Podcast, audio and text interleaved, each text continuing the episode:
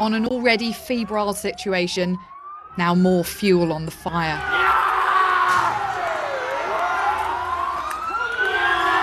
At one of Belfast's peace lines last night, the peace was broken. In the hands of teenagers, petrol bombs thrown in both directions over the wall. Each evening, these gates are locked to keep the mainly Protestant and Catholic communities apart. Now forced open, rammed by cars, and battered closed by police, amidst a running battle between crowds on each side.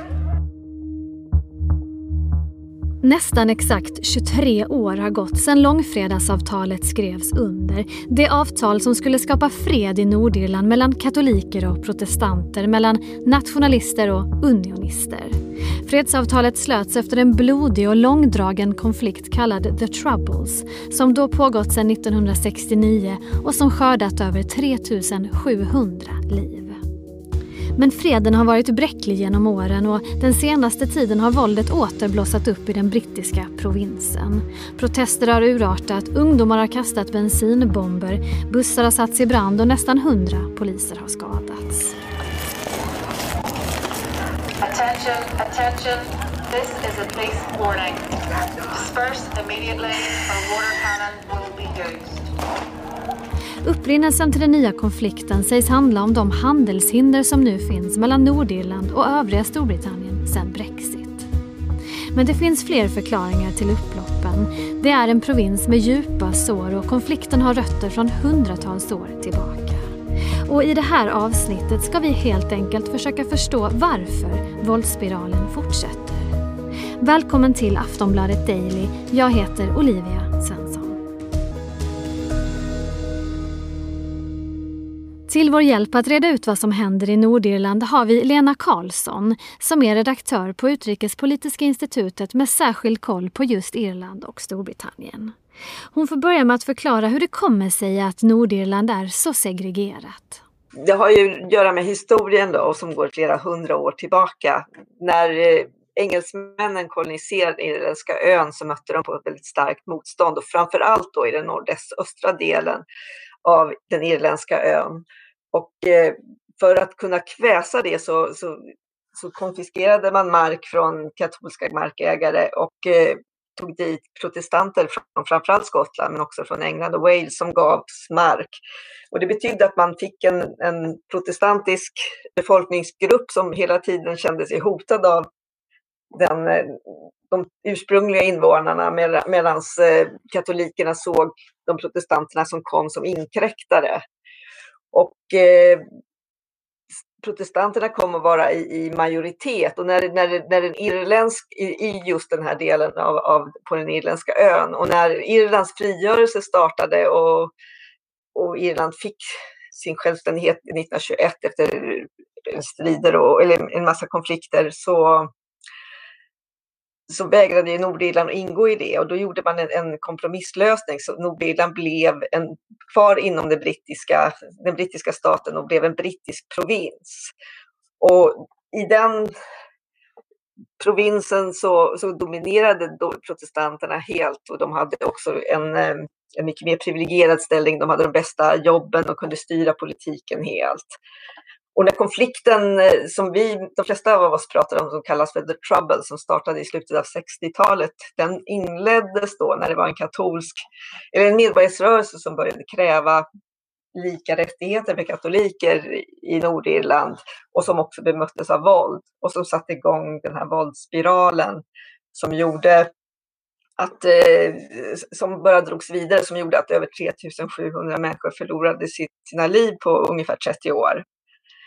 Och, och som också är liksom, och I början av, i slutet av 60-talet så bodde folk mer blandat, men ju mer konflikten drogs igång, eller blev en, en våld, när det sen blev en våldsspiral så, och, och våldet blev så omfattande så bodde människor mer segregerat, för det var så man kände sig säkrare.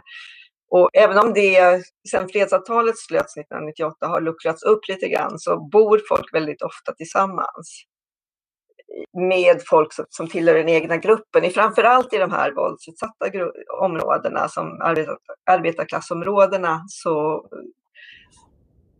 Medan det finns en medelklass som bor mycket mer blandat och som inte heller har varit lika utsatta för våldet och inte är det idag heller. Nej, och, och, vilka är parterna i konflikten som har blossat upp nu? Talar man fortfarande om protestanter mot katoliker? Egentligen så i Nordirland så pratar man om eh, protestanterna, eller framförallt protestanter kallar man ofta för unionister. Det är de som vill behålla de här banden till Storbritannien. Det är en del av deras identitet.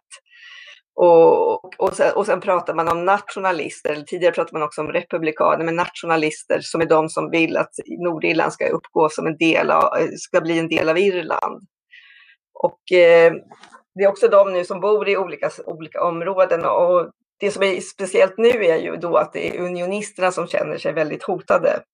Och då är det bland annat det som har hänt, eh, som att oroligheterna blossat upp just nu, är ju delvis handlar det om Brexit och det här Nordirlandsprotokollet som gör att det har skapats en gräns i havet mellan, mellan storbrittiska fastlandet och Nordirland som man ser som så symboliskt viktigt eftersom banden till Storbritannien är liksom deras, det, är en så stark del av den protestantiska och unionistiska identiteten. Samtidigt är ju folk i Nordirland väl medvetna om att folk i, människorna i resten av Storbritannien inte bryr sig särskilt mycket om dem utan ser på dem som någon slags konstig kvarleva från förr. Och samtidigt också har det blivit, liksom, från början så var protestanterna 65 procent av befolkningen och bara genom sitt antal kunde man dominera Nordirland. Men, men det har ju förändrats och numera så är katolikerna, tror man att de är något fler. Och valet, valet i provinsen 2017 blev liksom en, en varningsklocka för unionisterna. Då, då det faktiskt var de nationalistiska partierna som, som fick de flesta av eh, man, mandaten i, i provinsparlamentet. Just det.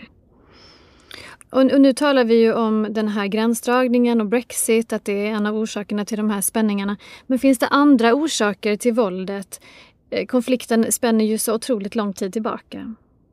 Ja, det, det, dels så är det ju det här med att man känner sig väldigt hotade och jag vet när jag har rest och, under ganska många år, då kan man liksom prata om, dels så finns det liksom, om man, om man till exempel tar en stad som Belfast så, så kan man se hur den är segregerad. I södra Belfast så är det i väldigt hög grad medelklass som bor och, och, och, man bor ganska blandat. Men i östra Belfast bor det nästan bara protestanter, men det finns små katolska enklaver där och i västra Belfast är det nästan bara katoliker, men det finns också protestanter som bor där och norra Belfast är ännu mer blandat. och kan liksom, det vara katoliker på ena sidan gatan och protestanter på den andra. Och det är då man har satt upp de här eh, som kallas liksom för peace lines, fredsmurar över Belfast för att hålla människor isär. Så I västra Belfast så finns det liksom, går det en mur mellan det katolska området och, det, det protestantiska området där man också stänger liksom grinden emellan, eller porten emellan under nätterna. Och det har man ju gjort, det man, gör man fortfarande vad jag förstått.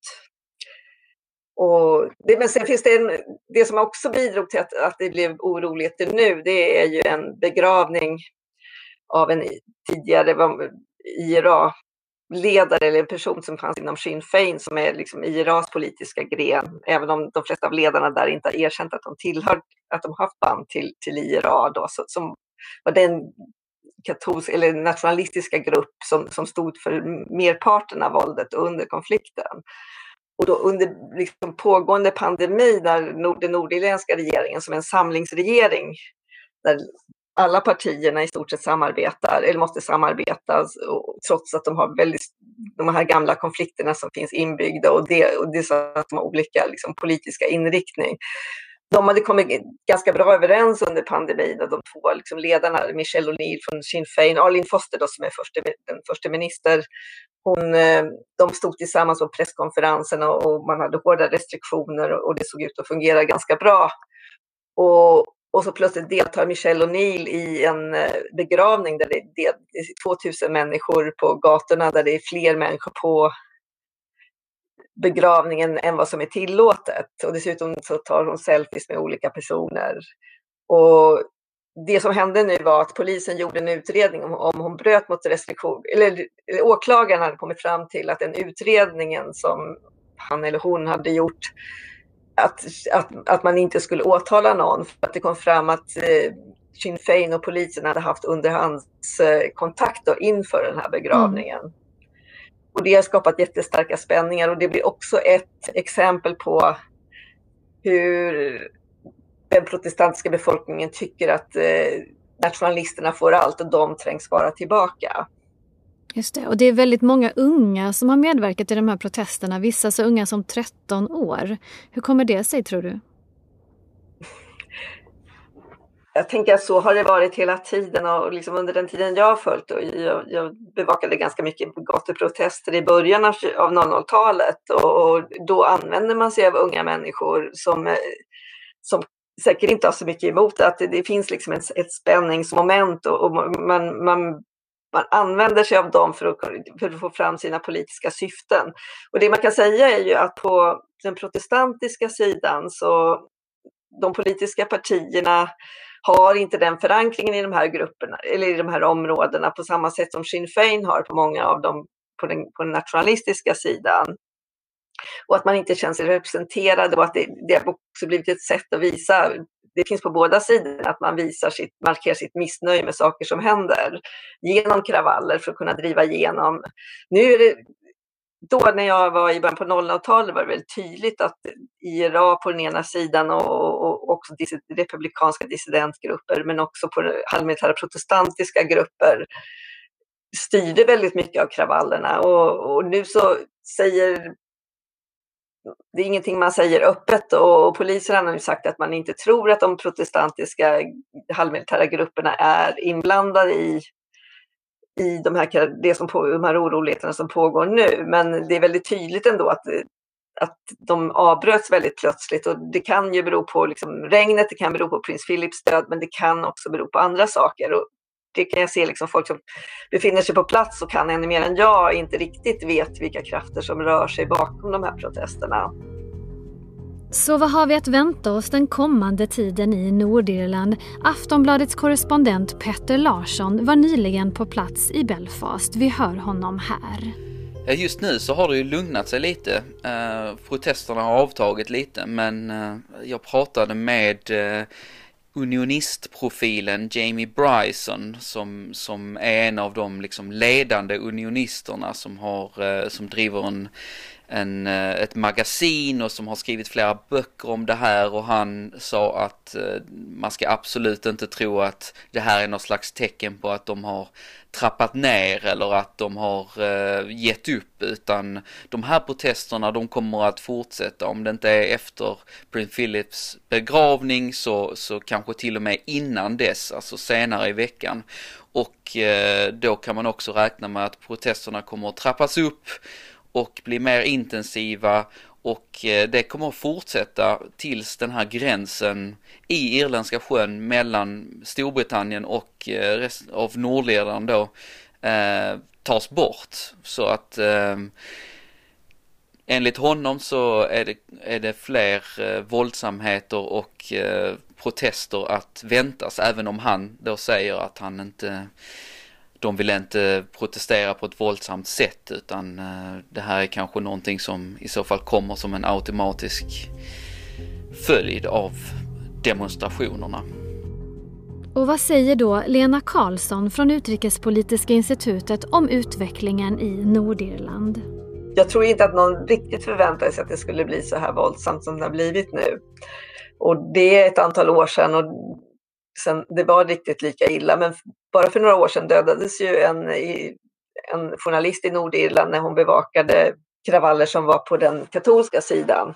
Så, så det är ju så att det, liksom, det har ju blossat upp med jämna mellanrum. Men eh, det var lugnare ett, under ett antal år och Brexit har ju skapat en osäkerhet som också bidrar till till att underblåsa de spänningar som redan fanns. För det, det skapar ett väldigt liksom, komplicerat, gränsen mellan Irland och eh, Nordirland och, och, blev plötsligt väldigt laddad från att EU-medlemskapet gjorde att det nästan hade suddats ut. Och det ställde, och ställde en massa saker på sin spets. Sist här hörde vi Lena Karlsson, redaktör på Utrikespolitiska institutet. Vi hörde också Aftonbladets London-korrespondent Petter Larsson. Och jag heter Olivia Svensson. Vi hörs snart igen. Hej då! Du har lyssnat på en podcast från Aftonbladet. Ansvarig utgivare är Lena K Samuelsson.